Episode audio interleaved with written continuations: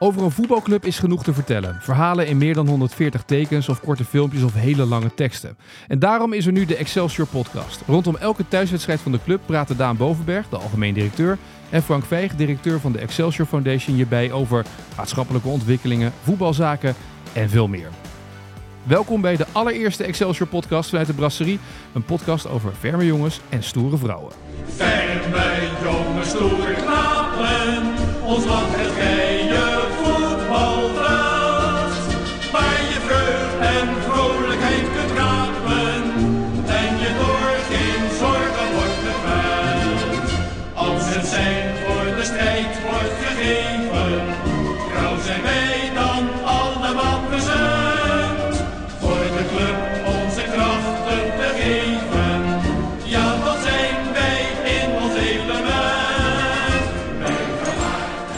Daan en Frank, daar zitten we dan in Ja. de brasserie. Eh, ik was even benieuwd, Frank, wat is het hoogtepunt van de afgelopen week voor jou geweest, of de afgelopen periode? Want Nou, ik zie altijd heel veel verhalen bij jou voorbij komen Zo, ja, dus- maar er gebeurt ook elke nou, dag dus ik dacht eh, ke- dingen. ja, een keuze, zeg maar. Nou, als ik er eentje mag eh, kiezen. Ja? Wij hebben hier Herman eh, werken. Die is uiteindelijk per 1 september in dienst eh, gekomen. Die geven we vanuit de lastige situatie een kans. En die doet hier hartstikke belangrijk werk. Omdat we hem structuur bieden en vriendschap en aandacht en een familie. Maar die was al 24 jaar bezig om zijn theorie rijexamen te halen. En Marcel dat- van Roosmalen. Ja, Ja. zoiets. Die kan trouwens fantastisch schrijven. Ja. Wij, eh, dus wij aan de slag. Eh, naar boven, na een wedstrijd, hebben we eh, iemand, een rijschoolhouder, in die businessclub zitten. Nou, die hadden we, wilde hij ons helpen? Ja, natuurlijk wilde hij ons helpen. Wij hem daarheen gebracht. Iris hem s'avonds erheen. Ik later op de avond weer eh, opgehaald. Ik goos een makkelijk gevoel gegeven. Wordt daar geholpen. Mondeling examen aangevraagd. Nou, binnen zes weken heeft hij nu voor elkaar wat hij... waar hij daarvoor 24 uur mee bezig, of 24 jaar mee bezig is geweest. Ah, en, en dat staat wel symbool ook voor wat we hier willen zijn. Ja, Een familie waar je in kan presteren. Je leert strijden en eh, liefhebben. mooi. Nou, dat is een goed begin toch van deze podcast. Daan, Ja. wat, is jou, eh, eh, wat is jou bijgebleven van de afgelopen week? Of afgelopen twee weken? Ehm, nou, De Polonaise in Friesland? nou, dat was natuurlijk wel een hele mooie, mooie afdronk van, van, de laatste, van de laatste fase. Waarin je gewoon ziet dat. En die overtuiging die proef je ook heel erg, denk ik, bij, bij ons intern. Van eh, nou, als wij gewoon goed zijn en we met elkaar doen wat we, wat, eh, wat, wat, wat we afspreken. En iedereen in zijn kracht komt. Ja, dan kunnen we van iedereen, eh, iedereen winnen. En ook, ook bij Heerenveen uit. En eh, ja, dat geeft wel een heel lekker gevoel. Ja, hoe groot was de grijns bij jullie beiden, zaterdagavond? Nou, daar wou ik nou net aan Ja. de aanvragen. Want ik zit wel eens naar hem te kijken dan tijdens zijn wedstrijd. En dan probeer je echt heel cool te doen of zo. Maar wat gebeurt er dan eigenlijk van binnen? Ja, het verschilt nog wel. Ik moet eerlijk zeggen dat ik het wel redelijk eh, los kan laten. Dus ik, eh, ik zit wel eh, ontspannen ook echt te kijken. Nee, dat geloof ik niet. Ja, wel. Je hebt wel, ja, ik heb wel heel erg het besef dat ehm, ja, je uit, op die plek ook heel weinig invloed uit kan oefenen op. Dus je bent, ik probeer ook zo min mogelijk bezig te zijn met het resultaat aan de achterkant. Ik probeer zo min mogelijk bezig te zijn met de gevolgen van een mogelijke tussenstand. Ga je dat doen, dan wordt het inderdaad spannend. Dus ik probeer het wel ook gewoon echt te benaderen als, eh, eh, als, ja, als, als, als, als kijkende naar eh, ja, een, stap die je toch ook als club, als elftal aan het zetten bent. En ehm, dat, dat gaat me vrij goed af. Ik moet wel eerlijk zeggen dat je wel op bepaalde momenten in wedstrijden wel inderdaad denkt van nou, balletje links, balletje rechts, wordt nu wel heel spannend. En ja, de gevolgen daarvan, zeker ook omdat je die ja, vanuit mijn positie heel erg goed kent en eh, weet ook wat dat betekent of kan mogen, mogelijk betekenen. Ja, dat, eh, dat ook ik daar af en toe echt wel, eh, echt wel mee bezig ben. Maar je ik probeer het wel zoveel mogelijk weg te schuiven. Wat ik een mooi moment vond, verleden jaar, toen wonnen we van Volendam. Dat was eind januari, notabene. Eh die speelden we helemaal weg. Terwijl zij altijd het idee hebben van, dat ze dan veel beter voetballen dan al die anderen. Toen stonden we negen punten op ze voor.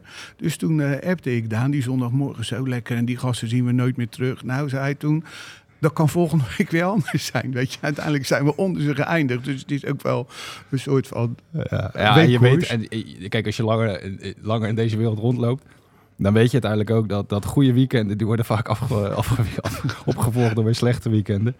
Dus ik probeer zo, eh, eh, ja, als het goed gaat, eh, ja, zo, zo, zo normaal mogelijk te blijven doen. En als het slecht gaat, eh, zo min mogelijk eh, daarvan in de war te raken. En ja, op, daar, op die manier probeer ik daar een beetje consistent eh, gevoel over te houden. Het is natuurlijk en blijft een dagvers product natuurlijk. Hè? Wat vandaag fantastisch is. Er staan geloof ik nu drie spelers van Excelsior in het elftal van de week. Dat kan volgende week. En je hebt nu de complimenten van Derksen en Grijp gekregen. Op de topscorerslijst. Nou, Ja, Eh, Dat kan, dat kan volgende week wel anders zijn. Hè? Ja. Koester het zolang het er is, toch? Ja, en als we nou gewoon met z'n allen blijven beseffen eh, op welke manier we tot dit punt gekomen zijn en eh, waarom we presteren, dan eh, mogen we daar eh, blij mee zijn. Maar we mogen denk ik eh, dat stuk echt niet uit het oog verliezen. Want, Ik vond dat ook wel een eh, hoogtepunt trouwens. Nog even terugkomend op die vraag. Ik zat zaterdagavond thuis eh, eh, te kijken, zag ik Marines na afloop. En die zei, ja, dat spitsenprobleem, dat, is, dat hebben we gewoon niet meer. Terwijl je dat dan met eenzelfde spits eh, doet als die je verleden jaar al had. ja, ja, dus, dus, ja, dus ook dat blijft het mooie aan sport. Het blijft het mooie aan, aan, aan ook voetbal. Aan de voorkant eh, heb je heel veel mensen die vanuit heel veel eh, eh, overtuiging de waarheid pretenderen te hebben. Ehm, terwijl je uiteindelijk ja, ook hiervoor geldt. En ik denk dat ook aan AGVO's daar bijvoorbeeld een mooi voorbeeld van is.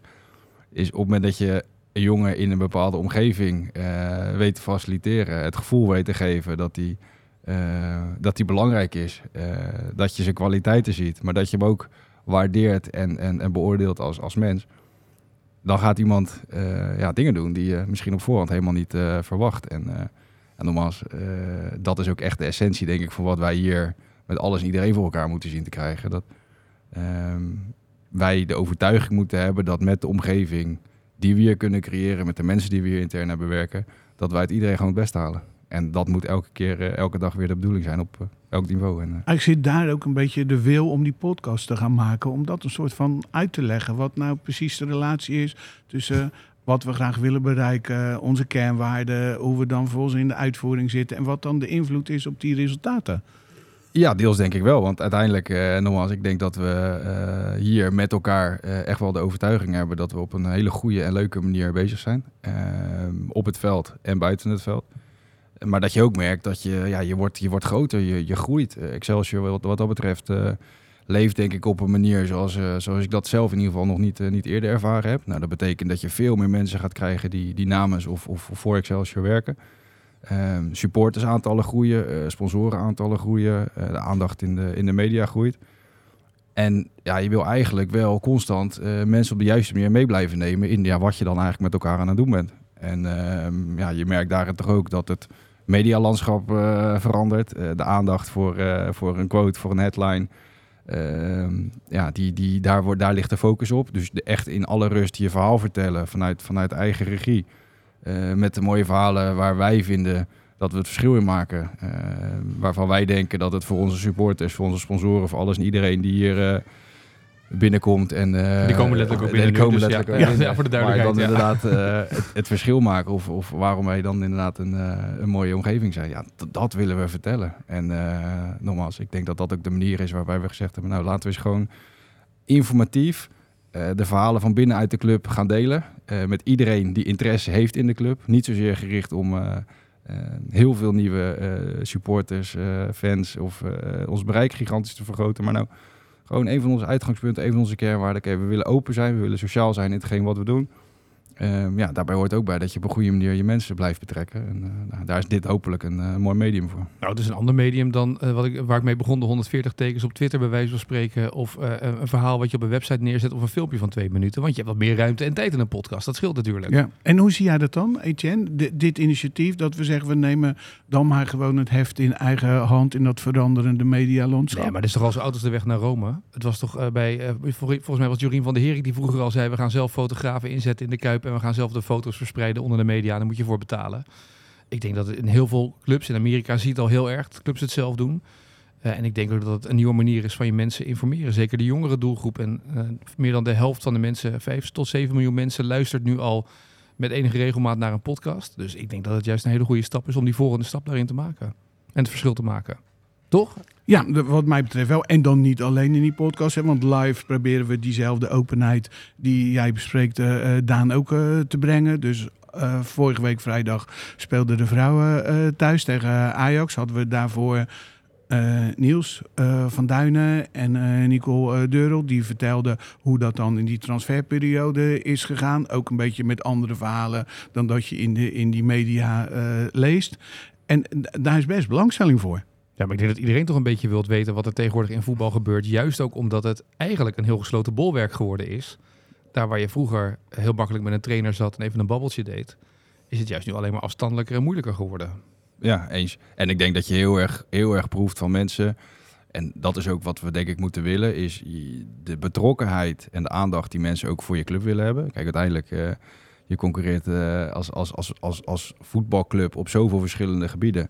Maar zeker ook als het gaat om de vrije tijd van mensen. Er- zijn zoveel mogelijkheden, er zijn zoveel dingen om te doen.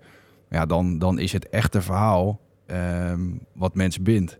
En eh, de tijd die je stopt om inderdaad voorafgaand... je kan inderdaad zeggen, oké, we organiseren een, eh, een wedstrijd voor onze vrouwen... en eh, kom zitten en eh, ga een potje kijken. Of je zegt, nou ja, het is belangrijk dat wij aan de voorkant iedereen mee willen nemen over... Nou, waarom doen we dit? En hoe gaat het aan de achterkant? En hoe vergelijkt het mannenvoetbal eh, zich of houdt het vrouwenvoetbal zich ten opzichte van mannenvoetbal? Welke afwegingen eh, loop je tegenaan? Eh, en dat zijn allemaal dingen. En dat is wel, ja goed, dat proeven wij natuurlijk ook altijd als je met mensen praat. En eh, je bent zelf, maak je de fout zoals iedereen in zijn of haar vakgebied dat eigenlijk doet. Dat, eh, dat de dingen die je meemaakt of de kennis die je van de industrie hebt, dat dat heel normaal is. Maar dat is vaak niet zo. Eh, en mensen vinden dat gewoon, gewoon leuk om te horen. En ja, nogmaals, ik denk dat het alleen maar goed is als je daar ook bepaalde mate van openheid in richting... kan creëren richting, richting, richting iedereen die je club volgt. Vorige week hadden we, hadden we een forumavond. Ehm, nou, wel op zijn Excelsiors. Hè. Dus enerzijds eh, zijn we blij dat daar heel veel, relatief gezien, een hoop mensen op afkomen. Maar tegelijkertijd Supporters, hè? Supporters, eh, sorry ja.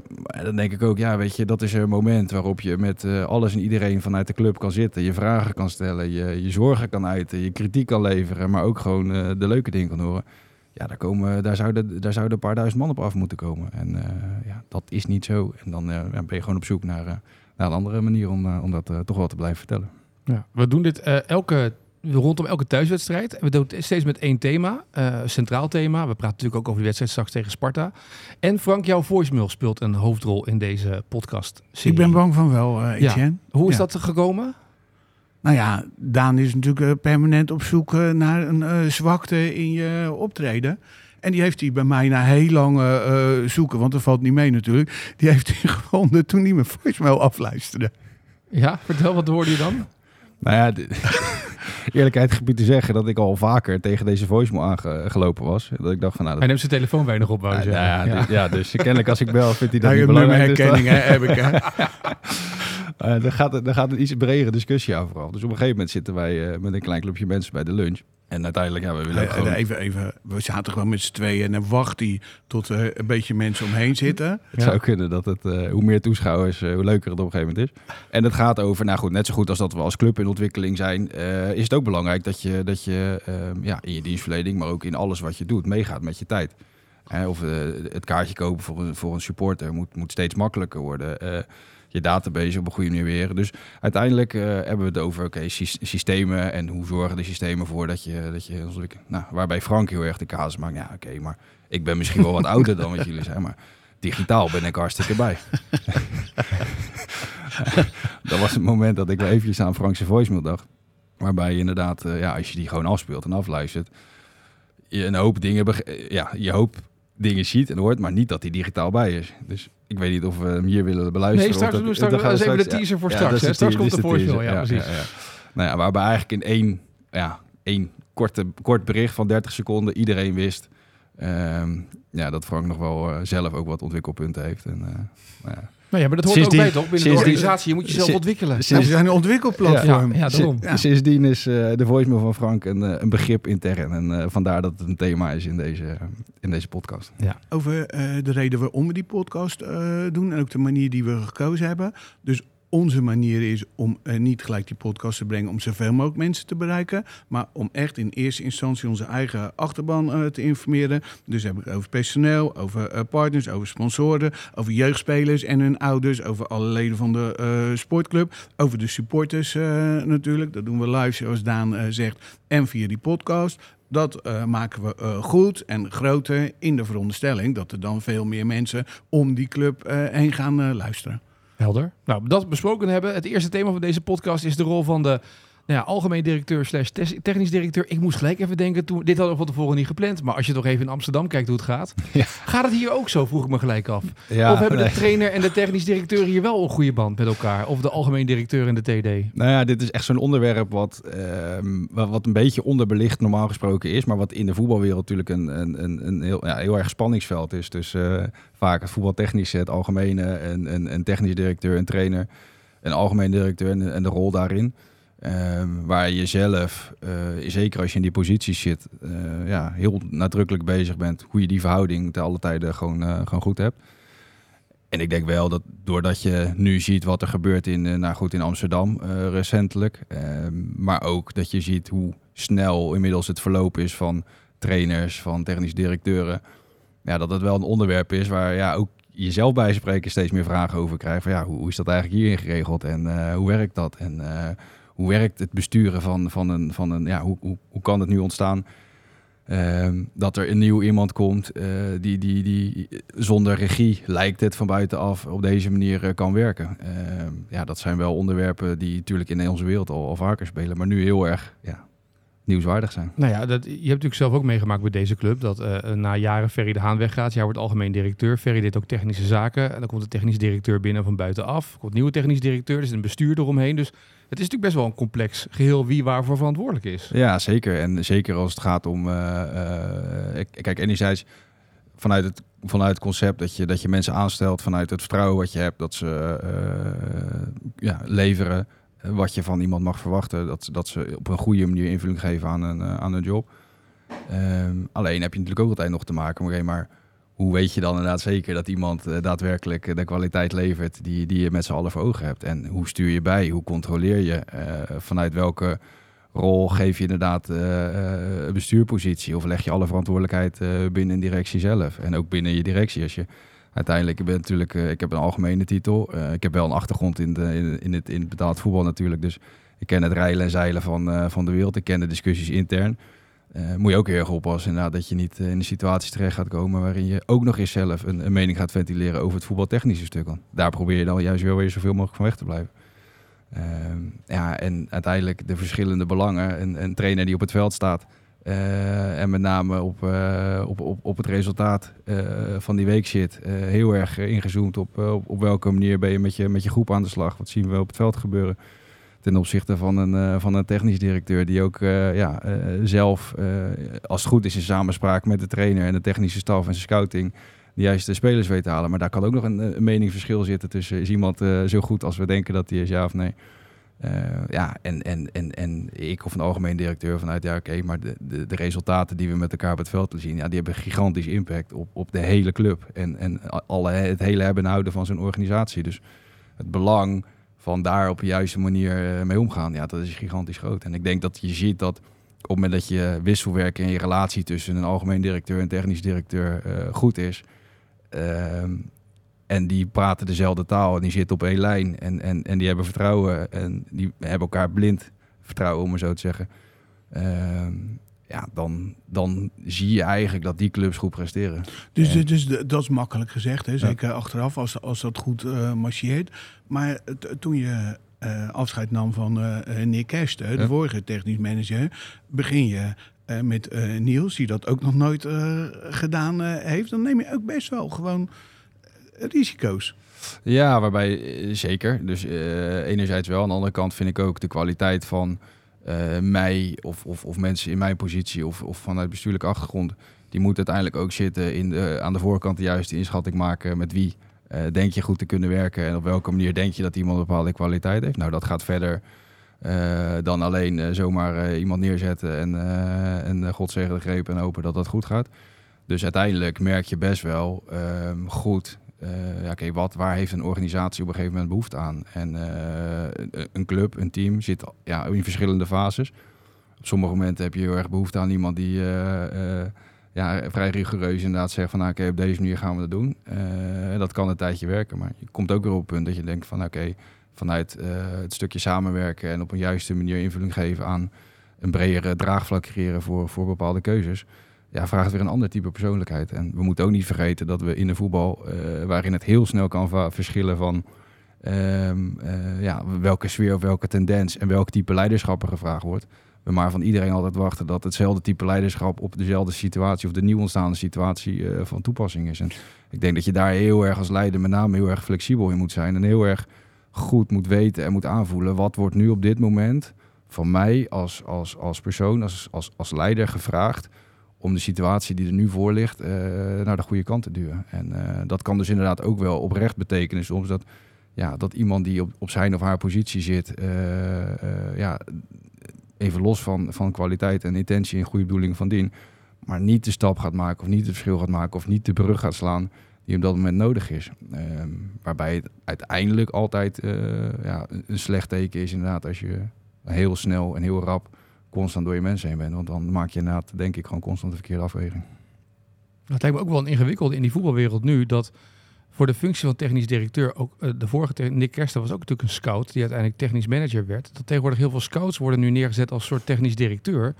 In de hoop dat daarmee vanuit de track record van de juiste mensen vinden. Maar een scout is echt wel iemand anders blijkbaar weer dan een technisch Ah, directeur. Je ziet, de, de complex, je ziet het ook. Hè. Dus je, de- je ziet hoe complex de functie is. Want bij, binnen elke club is bijna... Hè, de, de titel is dan wel hetzelfde. Ja, of technisch manager wordt het genoemd. Of, Eh, hè, ja. dat, dat, dat, maar het gaat met name om de inhoud van de functie en welke verantwoordelijkheden liggen eronder. En eh, kijk, je hebt natuurlijk best een breed, breed spectrum aan alles wat voetbaltechnisch is. Want je praat over eh, een, een samenstellen van een selectie, maar ook het, het managen van een selectie.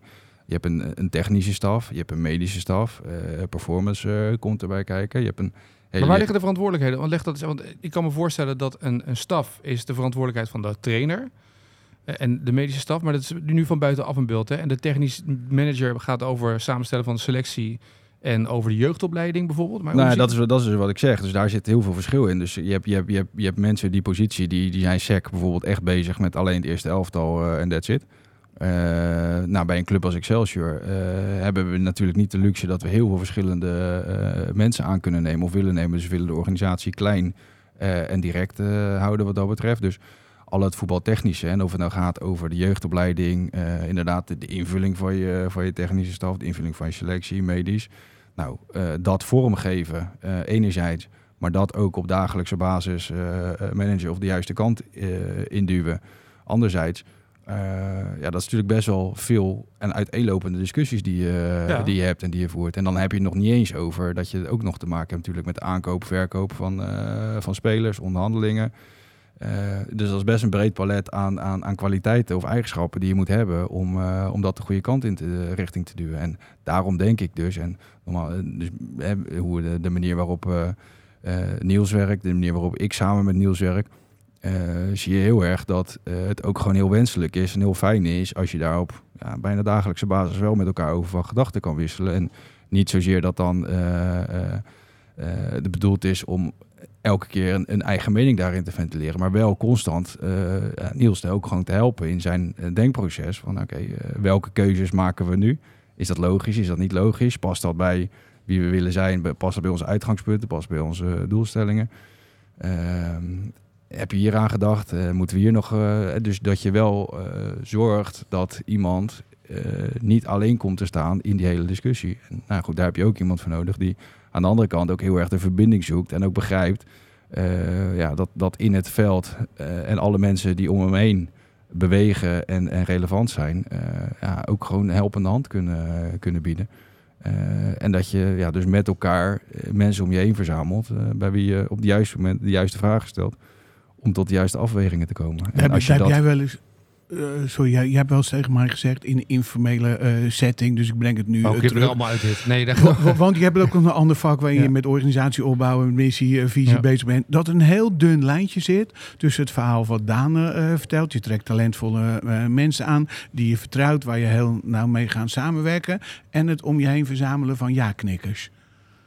Eh, ja, dat wordt vaak gezegd. Hè? Je, hebt je kan natuurlijk mensen, je kan zel- zelfde type mensen aannemen. En uiteindelijk moet je binnen een organisatie, zoals, zoals dat zo mooi noemen, een kleurenpalet aannemen van eh, diverse mensen. Weet je, als je alleen maar mensen hebt die eh, hoofdstel blauw hebben in hun communicatie en heel erg van de procedures en de regels zijn, Ja, dat is misschien bij de Belastingdienst heel handig, maar op andere plekken in de voetbalclub kan dat wat Ja. ingewikkelder zijn, zeg maar. Ja, Dus en dat is wel leuk. En dat is een van de, een van de dingen die wij, dus heel onze organisatie van, van, van klein eh, tot groot, tot eh, welke functie dan ook, die hebben we ook doorgelicht op die manier. Ja. Eh, waarbij we heel erg gekeken hebben naar, oké, welke type werkzaamheden liggen er eigenlijk? En is het nou logisch dat jij die werkzaamheden met jou ook denkstel ook, ook, ook vervult? Hè? Want uiteindelijk eh, ligt bepaald type werk natuurlijk ook bepaalde mensen beter dan anderen. En is dit er nou een logisch eh, ja, vullen we elkaar nou aan? Ook als het gaat om de blinde vlekken die iedereen in zijn Ja. of haar denken heeft. Eh, waarbij ook gewoon je weet van oké, eh, ehm, eh, Frank is heel erg bezig met de vraagstelling rondom met, wie gaan we dat, met wie gaan we dat doen en het, het samenbrengen van mensen en Dat is heel erg heel, de, heel erg de verbinding zoeken. heel erg de Ja. verbinding zoeken. En andere mensen zijn weer heel erg bezig met oké, maar even terug naar de basis van oké, waarom doen we dit eigenlijk? Ja. Weet je, wat is de essentie van het werk wat we aan het doen zijn? Wat is de relevantie van jouw functie? We zijn super druk met elkaar in alles wat we doen. Ja, of, of wanneer moet het klaar zijn? eh, wanneer moet het klaar zijn? Ja. Ja, dat is heel taakgericht. Ja. Ja. ja. Dus, maar, dus zo proberen we dus wel, ook als het gaat dus om, om aannemen van mensen, echt vooraf gewoon te kijken van welk denkstel halen we binnen. En, dat, past dat weet je nog niet eens, hè? want uiteindelijk is het je, de, wat je ziet uiteindelijk is zo'n test, is het gedrag hoe iemand doet. Maar dat betekent niet dat iemand dat is. Daar zit een wezenlijk verschil tussen. Want je Eens. kan heel erg eh, groen doen en ondertussen heel rood denken. Ga nou eens door naar het volgende ding. En Ja. maken, maar tussen wat je ziet en wat, wat je bent er Zeker. Alleen nogmaals, dan heb je het over eh, hoe ga je vervolgens om met de mensen die je binnen hebt. Om ze inderdaad eh, eh, in hun kwaliteit te Ja. zetten en te werken. Maar je, je bent wel aan de voorkant bezig en bewust van: hey, ik mis een specifiek profiel in mijn organisatie. Ehm, we zitten op een, op een. We hebben een aantal uitdagingen met elkaar, die heb je altijd. Die moeten opgelost worden. Ja, wat past daar nou bij?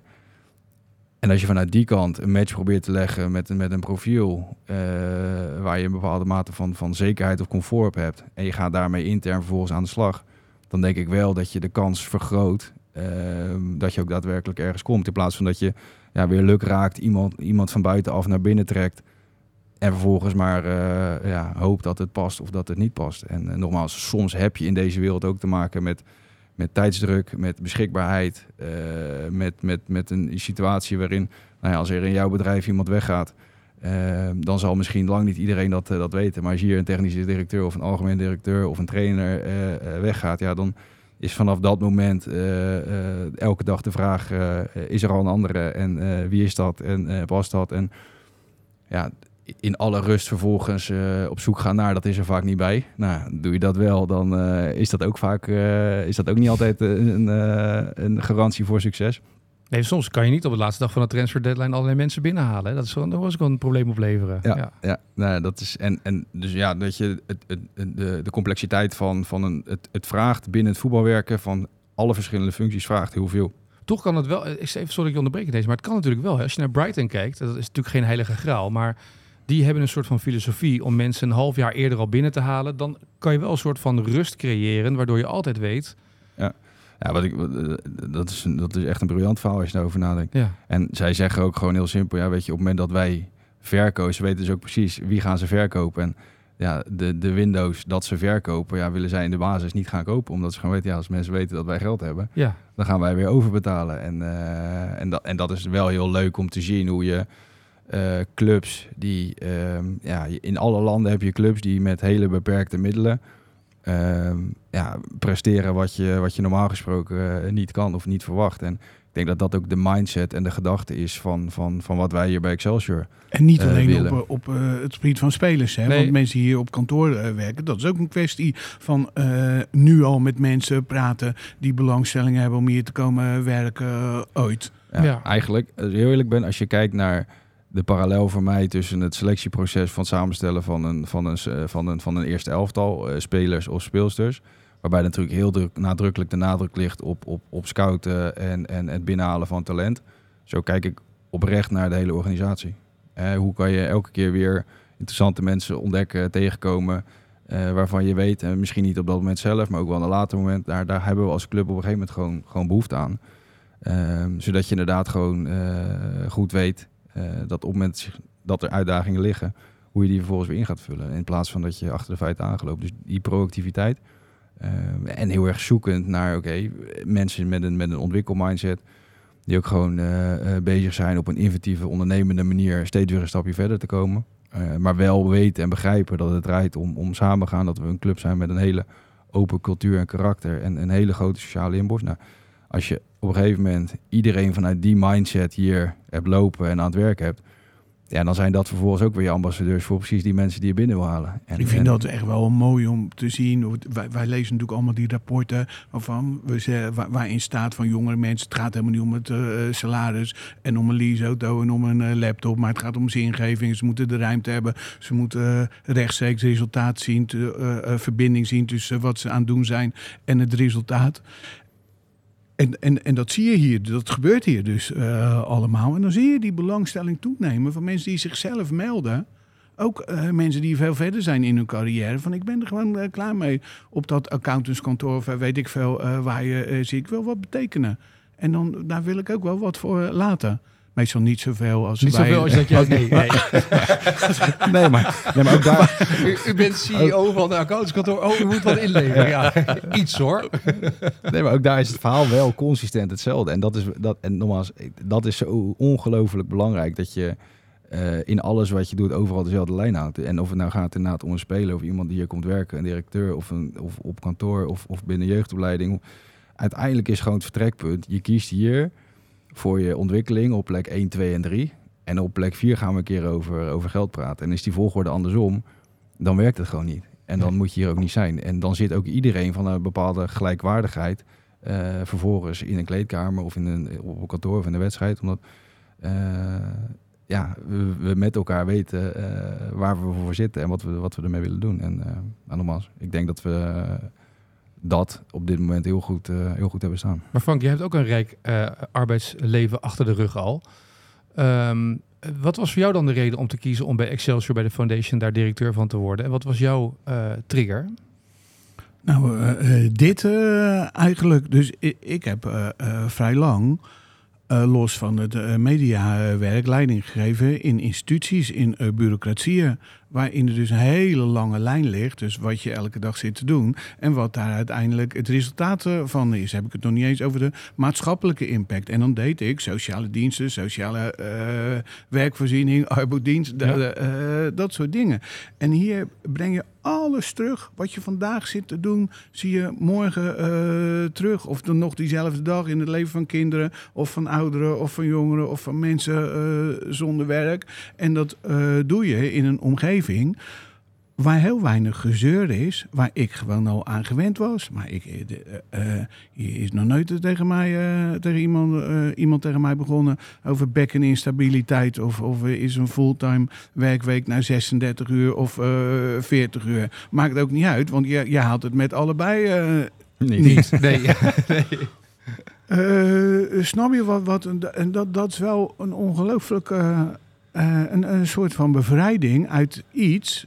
eh, wat ik heel normaal was gaan vinden. En van dat werk heb ik ook genoten.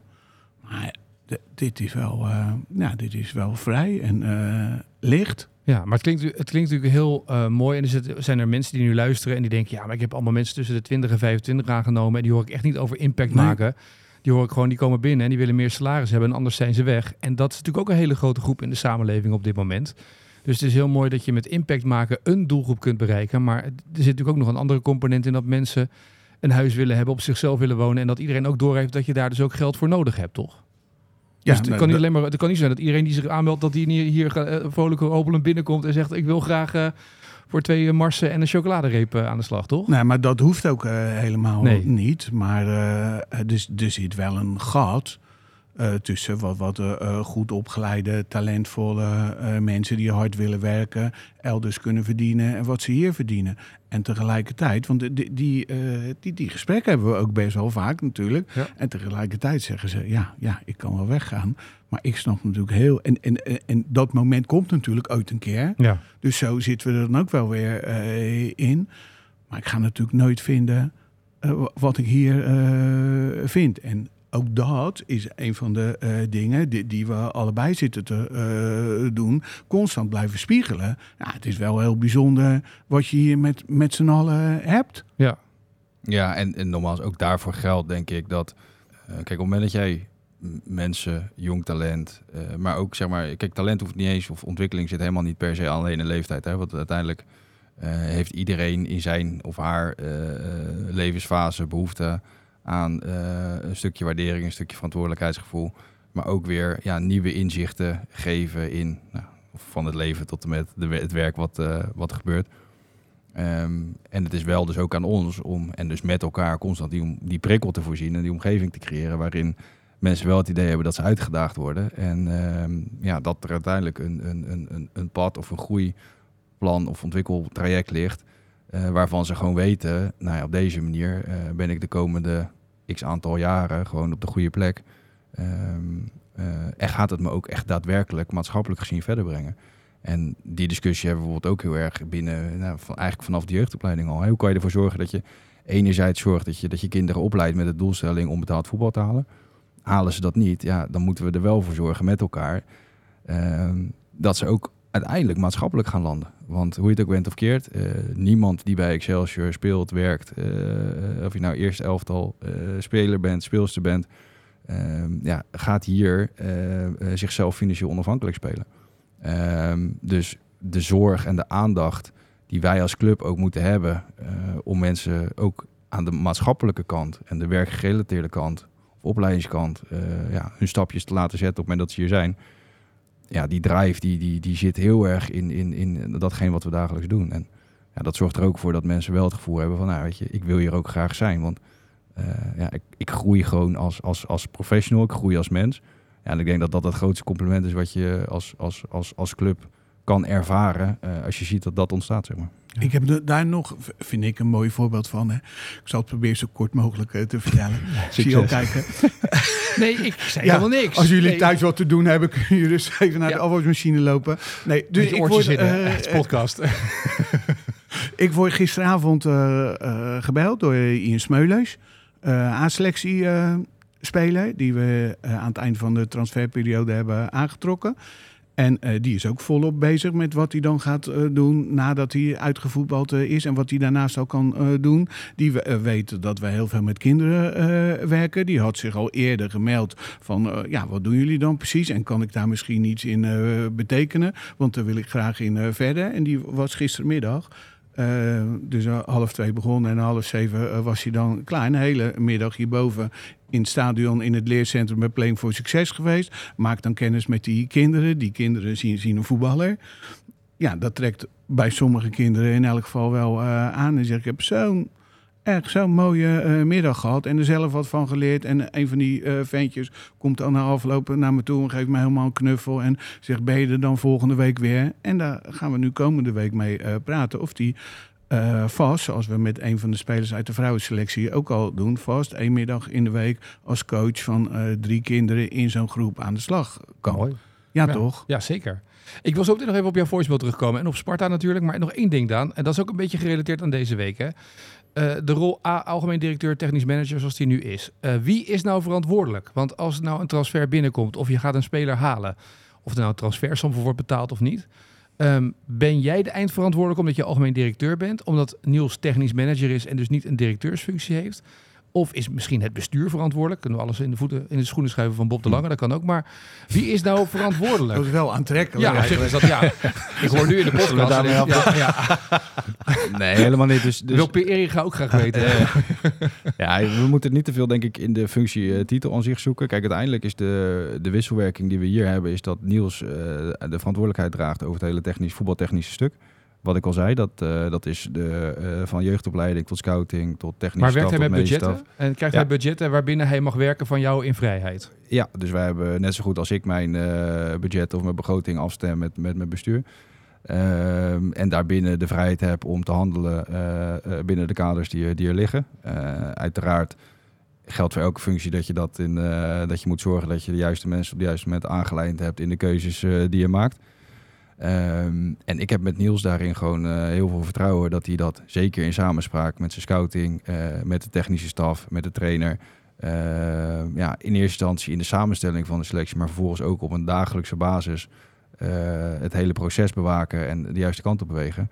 Op een hele goede manier invult. Nou, dat, dat is heel fijn. Dus dat zorgt er ook voor dat je met name onderling in de discussie terechtkomt van oké, vanuit vraagstelling, er ligt nu iets, hoe gaan we het eigenlijk verder brengen? Eh, waarin eh, ik eigenlijk uiteindelijk degene ben die, die, die als spiegel fungeert, die de juiste vragen stelt op basis van, van de input die je, die je krijgt. Ik zie natuurlijk zelf ook een hoop. je krijgt veel mee van wat, er, van wat er speelt, wat er niet speelt. Je hebt een verleden in de, in de wereld van het voetbal. Dus je begrijpt ook goed welke discussies er zijn of welke, welke uitdagingen er liggen. En uh, ja, ik zit richting hem in een, in een meer coachende en, en, en ja, spiegelende rol. Waarin hij mij om advies kan vragen. Waarin hij wel vervolgens de vrijheid heeft om daar naar zijn eer en geweten richting te handelen. En maar als een transfer moet worden betaald van, nou, we zeggen twee ton. moet dat, mag hij dat zelf doen? Of moet dat overlegd worden met bestuur en met jou? Nee, dat is altijd een overleg. Maar dat is ook omdat ik, eh, dat zei ik eerder al tegen je. Kijk, uiteindelijk moet je met elkaar een omgeving creëren waarin niemand kan dingen alleen. Nee. En uh, de afweging uh, over iets wel doen, niet doen, uh, de aanvliegroute, um, ja, die, die wil je gewoon met elkaar gewoon goed afgestemd hebben. Je moet strategie maken op, op een keuze van een speler. waarom deze speler, wat is het type, wat zien we in hem, hoe plaatsen we hem in, het, in het salarishuis. Uh, hoe past die in de toekomst? Uh, wat voor som uh, is, is marktconform? Ehm, ja, als je daar met elkaar de juiste vragen stelt en constant het juiste of gevoel hebt bij de antwoorden die daaruit komen, ehm, ja, dan gaan we op basis daarvan ook, ook handelen. en vervolgens dat je, zeker als je grotere bedragen uitgeeft, ehm, dat, dat, dat dat afstemt, ook met, met, met een bestuur, is denk ik hartstikke gezond en, en hartstikke relevant. Omdat je uiteindelijk een omgeving wil creëren die te alle tijden voor de club goed moet zijn. Uh, uiteindelijk zie je dat, dat, dat mensen gaan, komen mensen gaan. Op bestuurlijk niveau, op directieniveau, op alles eronder. Dan moet je wel zorgen dat je voor de club Excelsior Rotterdam te alle tijden de afspraken die er liggen zo goed mogelijk geborgd hebt en zo breed mogelijk gedragen hebt. En ja, dan heb je altijd een, spanningsveld tussen uh, dat, je, dat je bij 9 van de 10 proef je dat er een bepaalde overtuiging zit in dat dit de goede route is om te kiezen. Je hebt altijd ook twijfelgevallen tussen zitten, want je kan geen 100% scoren. Je, je kan niet over alles 100% zeker zijn. Alleen dan komt het inderdaad op, oké, heb je met elkaar het vertrouwen dat iemand in zijn of haar functie die aangesteld is, daar goede invulling aan geeft. En als ik dan kijk naar hoe Niels dat doet, ook in samenwerking met Marines, ook in samenwerking met de technische staf, hoe ze bezig zijn vanuit scouting perspectief. Want zo'n traject is natuurlijk al veel langer dan alleen een paar weken. Hè. Dat, de, de, de, eigenlijk is de winterwindow aankomend en de volgende zomerwindow daar zijn, uh, daar zijn we al, al mee bezig. Ja, dan zie je gewoon een heel consistent geluid in dat we A, heel goed weten wat we willen. B, goed nadenken over hoe, we dat, hoe we dat voor elkaar denken te krijgen. Wie we daarvoor nodig hebben. Um, ja, en dat, dan schakel je, denk ik, dan praat je gewoon dezelfde taal. En dat, en dat is heel fijn. En ik kan me wel voorstellen dat als je dat dus niet hebt, of als je inderdaad een, op die verschillende posities allebei een eigen spoor loopt, er een ja, een matige afstemming is vervolgens met je, met je staf, dat er heel makkelijk heel veel ruis ontstaat over ja, waarom nou bepaalde keuzes gemaakt worden. En wij proberen hier heel erg ervoor te zorgen dat die ruis niet ontstaat. En als die wel ontstaat, hem ook meteen zo snel mogelijk weg te nemen. Zodat ja, de, wisselwerking en de verhouding tussen, tussen mij, tussen Niels, tussen Marines, uh, ook in combinatie met, met een bestuur en zeker dan aan de voetbaltechnische kant, um, ja, dat daar gewoon uh, dat iedereen van elkaar weet vanuit welke over, uitgangspunten we, dingen doen. En dan, dan dat is zo knap hoor, maar je triggert dat wel een soort. Want je, je bent uh, best wel, om het maar rechtstreeks te zeggen, een dominante man. Maar ik zie je ook nooit het machtswoord spreken. En altijd het, het, letterlijk zo doen, als wat je nu zit te vertellen. Ja, maar dat, ik, kijk, als je het hebt over... Ik geloof dus... Kijk, deze wereld zit natuurlijk ook vol met mensen die... Um, ja, vanuit, vanuit eigen invulling en eigen beweegredenen vinden dat iets moet gebeuren. Om maar vervolgens ja, er altijd toch eigenlijk weer achter te komen dat het niet zo is. En, het ego. Ja, misschien is het ego, ik weet niet wat het is. Maar uiteindelijk, hoe ik wel kijk naar leiderschap, is dat je... Kijk, op het moment dat je geen vertrouwen hebt in de mensen met wie je werkt... Ja, dan kan je beter uh, stoppen, want dat schiet niet op. En uh, ik vind dat iedereen in zijn of haar positie heel goed moet weten... wat is mijn rol en wat is mijn taak in de, ja, om het verder te brengen. En uh, ja, een, een algemeen directeur die uh, en uh, een technische eindverantwoordelijke heeft en een technische staf heeft En die ook nog eens van mening is dat hij op dagelijkse basis ook nog eens zijn eigen mening over het voetbalstuk moet gaan ventileren. Dan denk ik dat je de zaak heel complex maakt.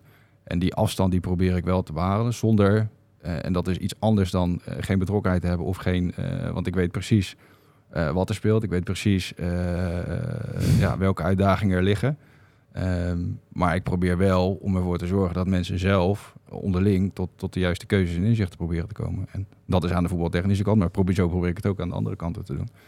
En eh, ja, dat zegt iets over mijn type leiderschap. En ik denk dat dat passend is bij hoe we nu als, als club eh, bewegen. Maar ik zei net ook al, uiteindelijk heeft eh, elke fase en elke club heeft ook weer een, een, een ander moment, een andere uitdaging. En ja, misschien past dat zo meteen niet meer. Dan heb je wel behoefte aan iemand die heel dominant zegt van... eh hey, eh, mijn wil is wet en op deze manier gaan we dat doen.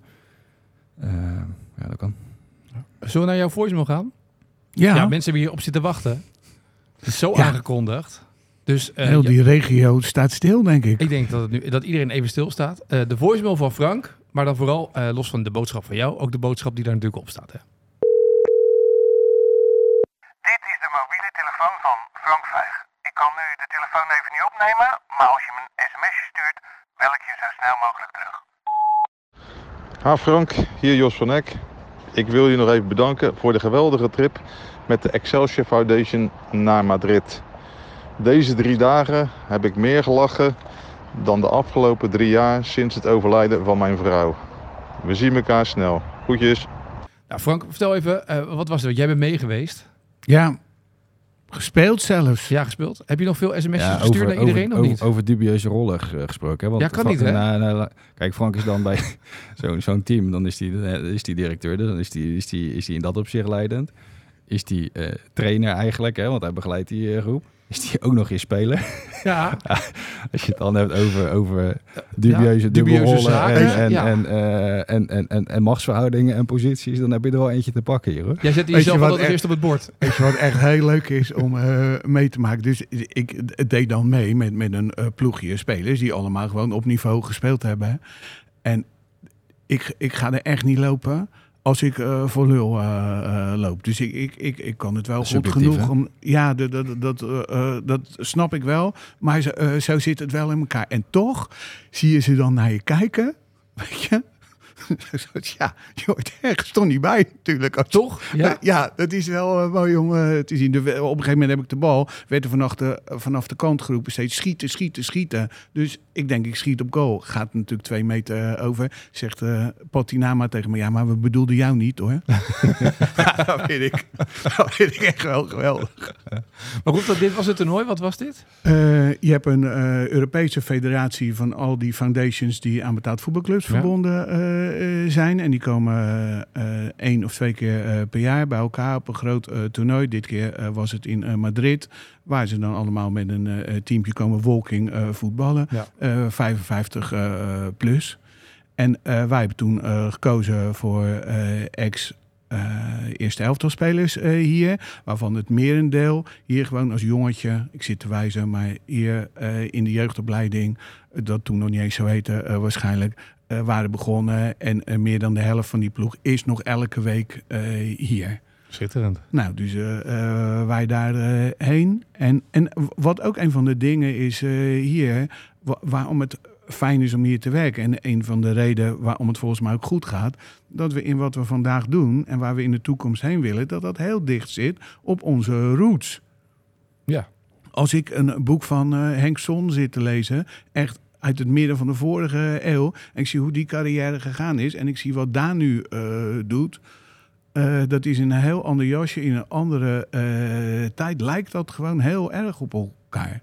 Instabiliteit, in opgroeien in zo'n club, in het eerste elftal halen, in maatschappelijke carrière maken, in het teruggeven aan die club. Dat, dat vind ik echt hartstikke mooi. Voor mij is dan ook heel belangrijk om die verschillende generaties met elkaar te verbinden. Ja. En doen we bij elke thuiswedstrijd op die tribune waar die oudspelers eh, zitten, waarin de mensen van in de 80 in contact komen met eh, eh, gasten van in de 20. En dat hadden we daar eigenlijk ook, want Ruwenzeli was mee als begeleider, werkt bij de Foundation, is 25 jaar en die zit dan aan tafel met Patinama, met Waslander ehm, en met Jos van Hek. Ja. Eh, en met mij, wij, wij zaten met z'n vijven in een feestzaal. En dat werd nogal, ja, je hebt gevoetbald, dus in een borreltje. En dus dat werd nogal luidruchtig. En, en muziek en polonaises. En, In mijn eh, tijd was dat nooit zo Nee, hoor. ik herken het ook niet. Nou ja, en je, en je hoort Jos net, net in die eh, voicemail. En dat is ook wel eh, wat we willen eh, betekenen. Dus die voelt met die ondeugende eh, gasten aan tafel... want het is ook best wel over andere dingen gegaan... die- Die voelt blijkbaar toch de vrijheid om te vertellen wat er in zijn leven is Ja. gebeurd. Weten we natuurlijk allemaal, maar wat voor impact dat heeft. En als zo iemand dan tegen je zegt van... ja, ik heb in, in die drie jaar nadat mijn vrouw is overleden niet meer zo gelachen als hier in deze drie dagen. En, eh, en, en dat blijft me altijd eh, bij. En, en je ziet dan die, die, die gast met zijn grote muil, Spatinama, die zie je ook heel klein worden. En ik zie naast me uh, die van 25, dan ook wel op een hele andere manier naar die gasten kijken. Ja, dat, dat, dat vind ik wel mooi. En dat weerspiegelt ook gewoon heel erg wat we willen zijn. En En emotioneert je ook toch, of niet? ja, dat Ja. heb ik tegenwoordig al snel. Ja. Maar Nee, maar dat ja, dat- je we vertelt moeten het, daar nee, natuurlijk maar-. Maar dat, dat, ja, dat geef ik eerlijk toe. Nee, maar dat zie, Dat- zie je ook aan je. Dat je Ja. dat- ik snap het ook dat dat wat doet. Want het is ook precies toch waarvoor je dit werk uiteindelijk misschien ook wel doet. Ik bedoel, het kan heel makkelijk om te zeggen... we gaan naar Spanje voor, voor het voetballen en het zuipen en het feesten.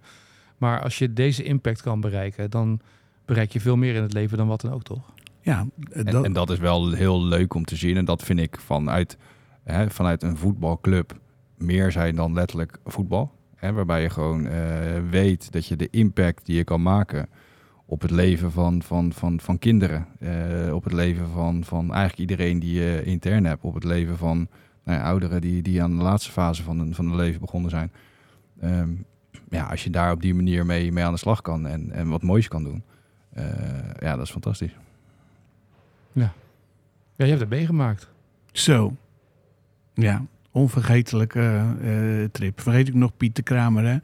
Van eh 82, die op zijn eh, twaalfde begonnen is. Ja. Het was walking voetbal trouwens. En nog eh Patinama geen gele kaart gekregen of rode kaart? Want ik heb die beelden nog wel een beetje gezien uit de jaren 80. Ja, het is eh, het, what happens in Madrid, steeds in Madrid. Maar gestrekt Patinama heeft wel een kaartje eh, Ja? gekregen. Maar omdat hij twee keer achter elkaar een vrije trap nam...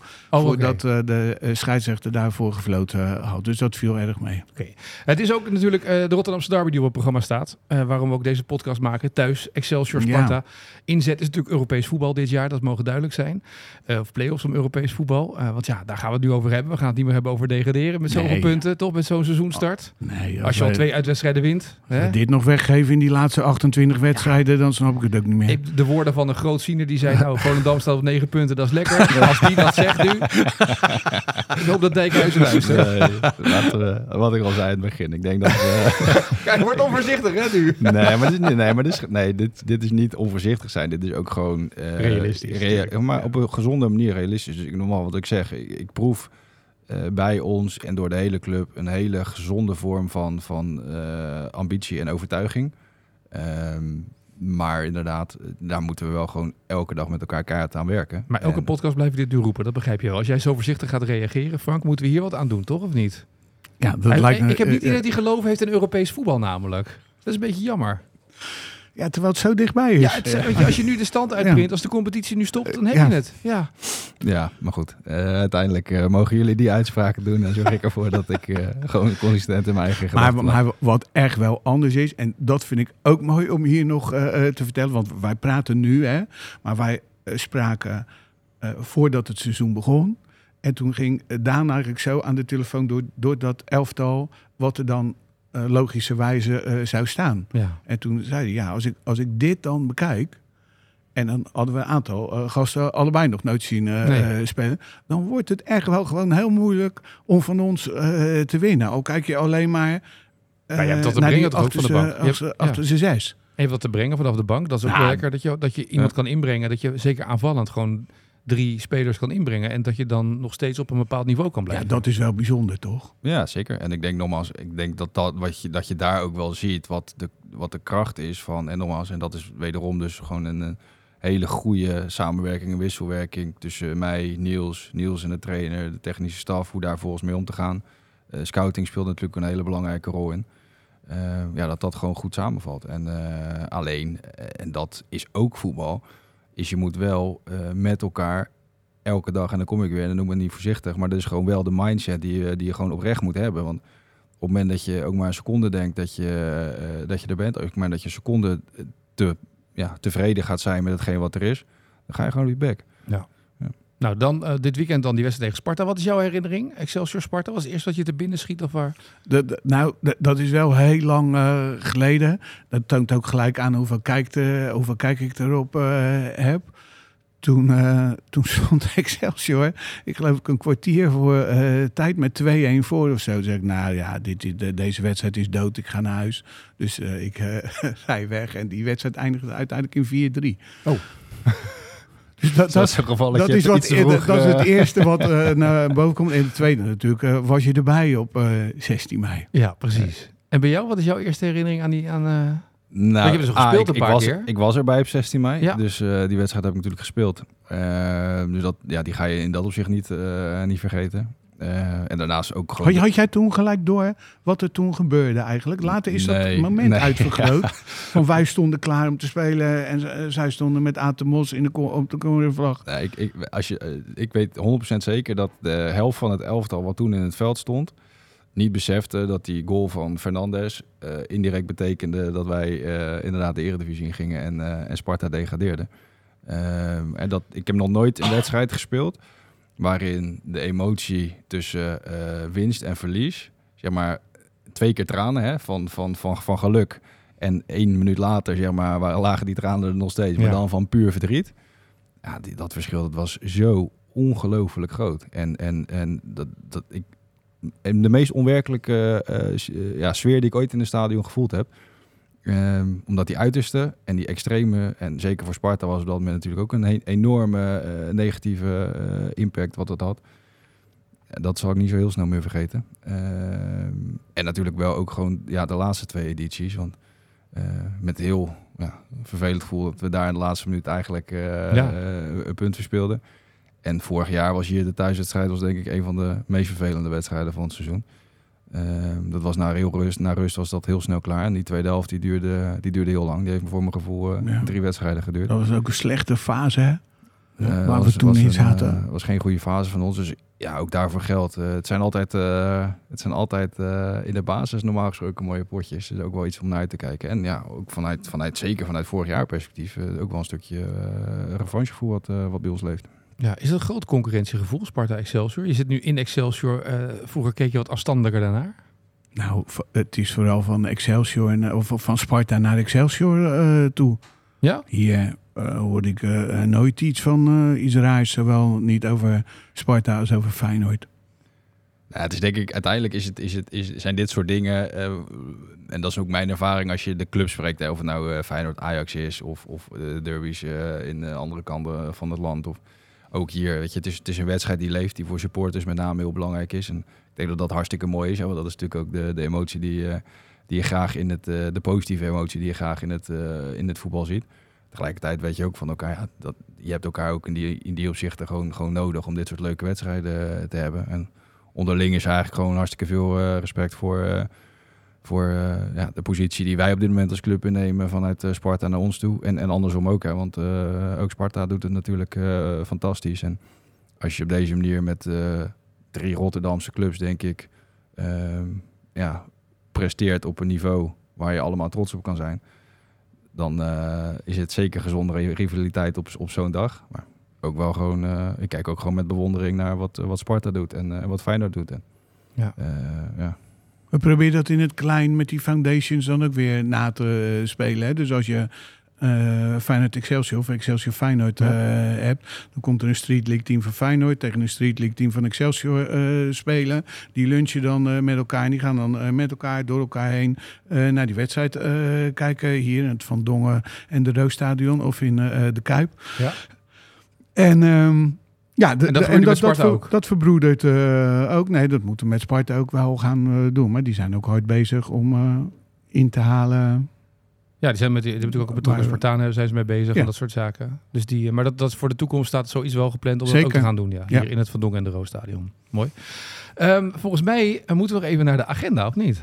We hebben nog dingen staan, want we zijn al, we zijn al ruim een uur Zo. aan het praten. We zitten al bij Nou. de extra tijd. Oh. Heb, heb jij nog leuke dingen op, op, het menu staan voor de Nou, komende eh, weken? we hebben eh, 8 oktober natuurlijk eh, ons eh G-voetbal elftal, wat Ja. in de bijzondere eredivisie eh, speelt. Die komen hier thuis spelen tegen drie eh, andere eh, clubs. Heel, Eh, laat- leuk, eh, heel leuk evenement. Nou, Als je het hebt over eh, wil jij op een leuke manier je zondag en, en echt blij eh, weer naar huis gaan. En als je het enthousiasme ziet van, van, van die G-voetballetjes en eh, ja, wat, wat er in zo'n stadion dan ook ontstaat. Hè? Echt vanuit de beleving dat ze een dag als, eh, als profvoetballer eh, door het leven gaan. Dus aanraden voor iedereen om daar naartoe te gaan. half elf beginnen. 1 uur klein. Nou, dat is prima. Ideaal heb je nog wat uit zondag. Ja. Dus dat is de eerste. Heb je nog Nou, andere dat is dingen het die je wil aankondigen, of voornaamste. Nou, de, de eh, vrouwen gaan natuurlijk eh, spelen. Ja, FC Eh, Twente, ja. thuiswedstrijd. De week daarop de derby 15 oktober hebben we gezegd eh, tegen Feyenoord. Is ook een mooie, mooi affiche wat er, eh, wat er aan zit te komen. Waar eh, we graag hebben dat zoveel mogelijk mensen gaan morgen met de businessclub gaan we voetgolf. Hebben we ook weer ruim 150 man bij elkaar. Ook weer combinatie met selectie spelers van, van het eerste elftal en van de vrouwen die dan ja, daar onderdeel van zijn en tussen iedereen meespelen en, en dartelen. Ook weer een hele leuke manier waarop je eigenlijk eh, businessclub en, en, en voetbalkant eh, aan, elkaar, aan elkaar verbindt. Eh, ja, dat zijn weer denk ik mooie, drie mooie, vier mooie affiches die we komende week hebben liggen. ja. Nou hebben we natuurlijk een interlandperiode ertussen zitten voor de volgende thuiswedstrijd. Maar stel wel gewoon voor dat we over een week of twee nog wel dan nog een podcast opnemen, toch? Ja, Er zijn voor- genoeg thema's om te bespreken. Nou, Zeker ja, en voor Excelsior. Feyenoord Ja. vrouw. Dat is echt gewoon een grote eh, wedstrijd hoor. Daarom. En er zaten hier tegen Ajax zaten al 1100 man. Dus dat wo- wordt tegen Feyenoord. Nou, Absoluut. minimaal dubbele, lijkt mij. Of eh, Uitverkocht drie keer zoveel. Ja. Nou, dat zou toch echt geweldig zijn? Dat moet toch de doelstelling zijn? Nou, Ja. die podcast erbij zometeen. zou mega leuk zijn. En inderdaad, eh, ook daarvoor geldt. Hè. Dus als je het hebt over relevante thematiek, eh, die ook hier speelt en leeft. eh, gewoon de gelijkheid in. in eh, en, en, en, en emancipatie. eh, ja, de, de volgende podcast eh, laten we die dan. de eerste volgende thuiswedstrijd is van, eh, is van de vrouwen. De derby tegen Feyenoord. Eh, misschien een mooi, eh, mooi haakje om, eh, om daar eh, aandacht aan te geven. En dus gewoon ook te vertellen aan, de, aan die kant hoe, eh, hoe zich dat ontwikkelt. En, eh, en met name dus ook inderdaad gewoon mensen oproepen. Joh, kom kijken, want het is, eh, het is echt superleuk. Wedstrijd is waar wordt die wedstrijd gespeeld tegen Feyenoord? Uiteraard bij ons thuis in het Van Dongen en de Roosstadion. Heel dus eh, ook daar eh, eh, ja, willen we de vrouwen eh, podium geven. Mooi. Eh, dit was de allereerste Excelsior podcast. Eh, ja, eh, we gaan eh, op naar de volgende rondom die wedstrijd. eh, natuurlijk van de vrouwen dan tegen eh, Feyenoord. Eerst dit weekend Rotterdamse derby. Kijken wat het gaat worden. Of een. Europees voetbaldaan. Kunnen we al boeken? De- Weet je, heb je het, heb je het een beetje voorronde Conference League. Dat we in de zomer een beetje vrij houden. ja, Van- Madrid zou leuk zijn. Dat weet ik nu een beetje oh, dat weet de je de weg. routes, ja. Maar ja, die spelen denk ik wel Champions League allebei. Laat ik allemaal aan jullie. Heel goed.